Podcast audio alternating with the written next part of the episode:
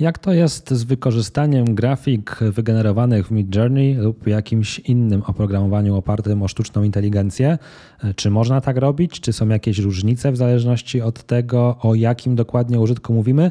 O tym wszystkim opowiem dzisiaj, a ja nazywam się Wojciech Wawrzak, jestem radcą prawnym, autorem bloga prakreacja.pl i założycielem specjalistycznej kancelarii prawnej Prakreacja Legal. Tyle w słowem wstępu, a teraz bierzmy się za konkrety, bo temat nie jest wcale taki prosty, jak mogłoby się wydawać. Gdy rozmawiamy sobie o sztucznej inteligencji, mm, a dzisiaj porozmawiamy sobie tylko o tych narzędziach, które generują grafiki, zdjęcia, to na początek przychodzi nam do głowy, że może jest jakaś różnica w zależności od tego, jak my tą grafikę planujemy wykorzystać. No bo my możemy na przykład w takim narzędziu wygenerować grafikę z przeznaczeniem do social media Możemy wygenerować jakiś fragment grafiki, który wykorzystamy w jakimś większym kolażu. Możemy zrobić grafikę na swoją stronę internetową, albo idąc dalej, na stronę internetową klienta w ramach wykonywania dla niego jakiegoś zamówienia. Czasem zdarza się też, że szukamy jakichś materiałów do wykorzystania wewnętrznego, na przykład w naszej jakiejś prezentacji szkoleniowej dla 10 osób, którą przygotowujemy na zamknięte szkolenie, albo w jakimś moodboardzie, który chcemy pokazać klientowi, żeby on wiedział, mógł określić jakieś swoje preferencje. No generalnie tych sposobów wykorzystania grafik stworzonych z wykorzystaniem sztucznej inteligencji jest troszkę, ale najważniejsza informacja w tym momencie jest taka, że tak naprawdę nie ma to większego znaczenia. Nie ma większego znaczenia z punktu widzenia litery prawa, choć może mieć pewne znaczenie z punktu widzenia praktycznych konsekwencji, o czym za chwilę. Zacznijmy od tej litery prawa.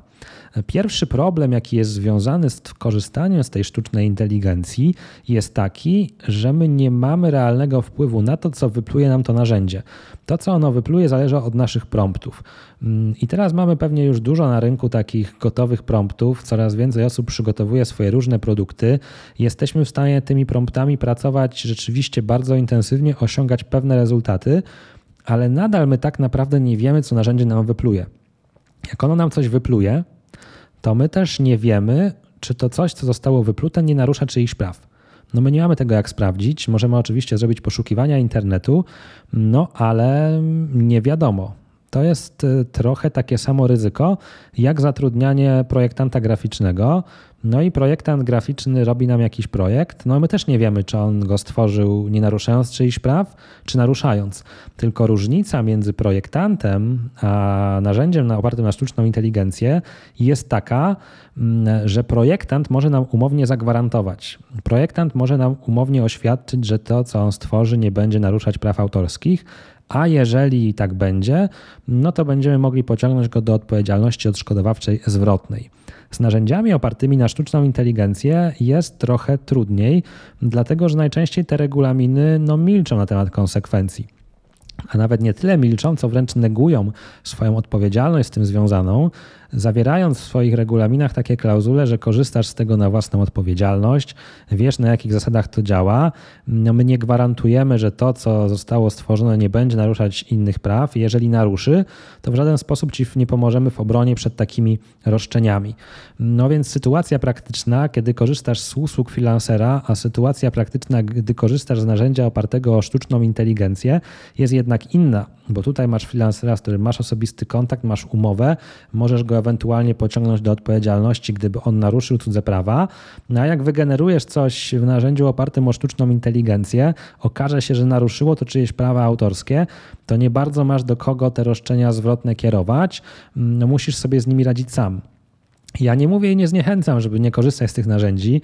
Nie jestem ani przeciwnikiem, ani zwolennikiem. Po prostu opowiadam Ci o konsekwencjach z tym związanych. To jest pewne ryzyko biznesowe, bo na przykład ten Mid Journey to inne oprogramowanie oparte o sztuczną inteligencję będzie prawdopodobnie dla Ciebie tańsze, bardziej optymalne, efektywne, szybsze i być może te plusy są w stanie zrekompensować ten minus, że ty nie wiesz, czy to, co wyszło z tego narzędzia, nie będzie naruszać praw podmiotów trzecich.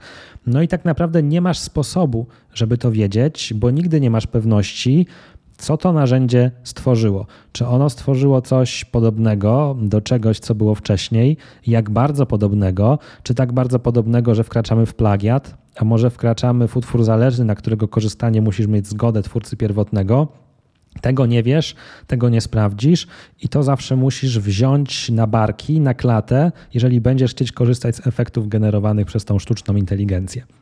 No i to, w jaki sposób to wykorzystasz, z punktu widzenia ewentualnych naruszeń, no jest bez znaczenia, mm, bo czy wykorzystasz to na swoim blogu, czy na stronie, czy w prezentacji, wszędzie tam możesz naruszyć czyjeś prawa, jeżeli to, co wypluje sztuczna inteligencja, okaże się naruszające. Natomiast oczywiście w praktyce konsekwencje mogą być e, różne, mogą być inne. No bo jeżeli na przykład wykorzystasz taką grafikę w prezentacji szkoleniowej dla 10 osób, to dowie się o tym 10 osób. Więc ryzyko, że ten podmiot uprawniony, który twierdziłby, że doszło do naruszenia jego praw, będzie w stosunku do ciebie egzekwować swoje prawa, no jest relatywnie niewielkie. Ale jeżeli na przykład prowadzisz e, olbrzymią kampanię marketingową zakrojoną szeroko w internecie i tam wykorzystasz jakąś grafikę wygenerowaną przez sztuczną inteligencję i okaże się, że ta grafika narusza prawa autorskie kogoś innego, no to ewentualna skala roszczeń może być dużo bardziej dotkliwa. Więc z jednej strony z punktu widzenia litery prawa każde naruszenie jest takie samo, ale ranga tego naruszenia może mieć inne skutki, no tak po prostu finansowe dla ciebie i związane z obsługą tego naruszenia. A tak jak powtarzam, nie da się uniknąć i nie da się doprowadzić do pewności, że to, co zostało wyplute przez sztuczną inteligencję, faktycznie nie narusza czyichś praw. I teraz będzie taki problem, że te narzędzia mogą w swoich regulaminach nawet zawierać takie klauzule, że to, co stworzysz, to ty masz do tego prawa. No jasne, ty tworzysz, więc ty masz prawa, choć na przykład jak sobie weźmiemy regulamin Midjourney, to on różnicuje sytuację bezpłatnego użytkownika od płatnego użytkownika i w przypadku bezpłatnego użytkownika mowa jest w regulaminie tylko o licencji, czyli ty w ogóle nie nabywasz praw, a nabywasz jedynie licencję. Natomiast w przypadku płatnego nabywasz prawa. Ale nawet przyjmijmy, że ten regulamin mówi, że nabywasz prawa do tego, co stworzyłeś. No fajnie, tylko trzeba by faktycznie, czy może regulamin, który jest rodzajem umowy, sprawiać, że ty nabywasz jakieś prawa.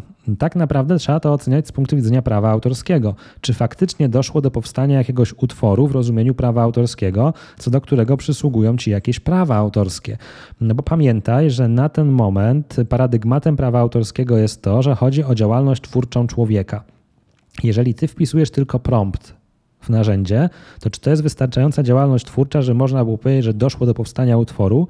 Czy może to, co stworzysz, tak naprawdę mm, nie jest utworem. Jest czymś, co jest pozbawione ochrony. I oczywiście dla Twojego własnego użytku to może nie mieć znaczenia, ale na przykład w sytuacji, w której ktoś zamawia u Ciebie wykonanie grafiki, ty wykonujesz tą grafikę na zamówienie, umowa gwarantuje, że przenosisz te prawa do tej grafiki na tego klienta, a tu nagle okazuje się, że ty nie możesz przenieść tych praw, bo ty ich de facto nie masz. Wprawdzie regulamin narzędzia mówi, że masz, ale stan faktyczny jest taki, że żadne prawa autorskie nie uzna, że w tym przypadku doszło do powstania praw autorskich, więc nie mogłeś ich przenieść. No i tu się ujawnia kolejny aspekt praktyczny związany z tymi narzędziami opartymi o sztuczną inteligencję, że ja coraz częściej obserwuję w umowach, że klienci będący zamawiającymi wprost wyłączają użytek tej sztucznej inteligencji w wykonywaniu umowy, dlatego że cały czas mamy tą niepewność prawną co do tego, jaki jest status tego, co zostało stworzone ze sztuczną inteligencją.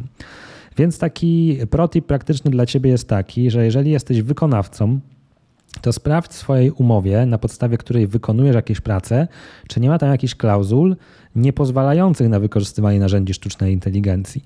Natomiast jak jesteś zamawiającym, to zastanów się, czy w Twoim interesie nie byłoby wymóc od wykonawcy, żeby nie wykorzystywał tych narzędzi sztucznej inteligencji, ze względu na to, że korzystanie z tych efektów pracy sztucznej inteligencji obecnie jest no, nacechowane tym ryzykiem, że ty nie wiesz, mm, czy to nie narusza cudzych praw, a jeżeli okaże się, że narusza, to nie bardzo masz jakieś roszczenia zwrotne w stosunku do mm, dostawców tego oprogramowania. No to tyle, co chciałem Ci dzisiaj opowiedzieć. E, tak jak wspomniałem, nie jestem zwolennikiem, nie jestem przeciwnikiem.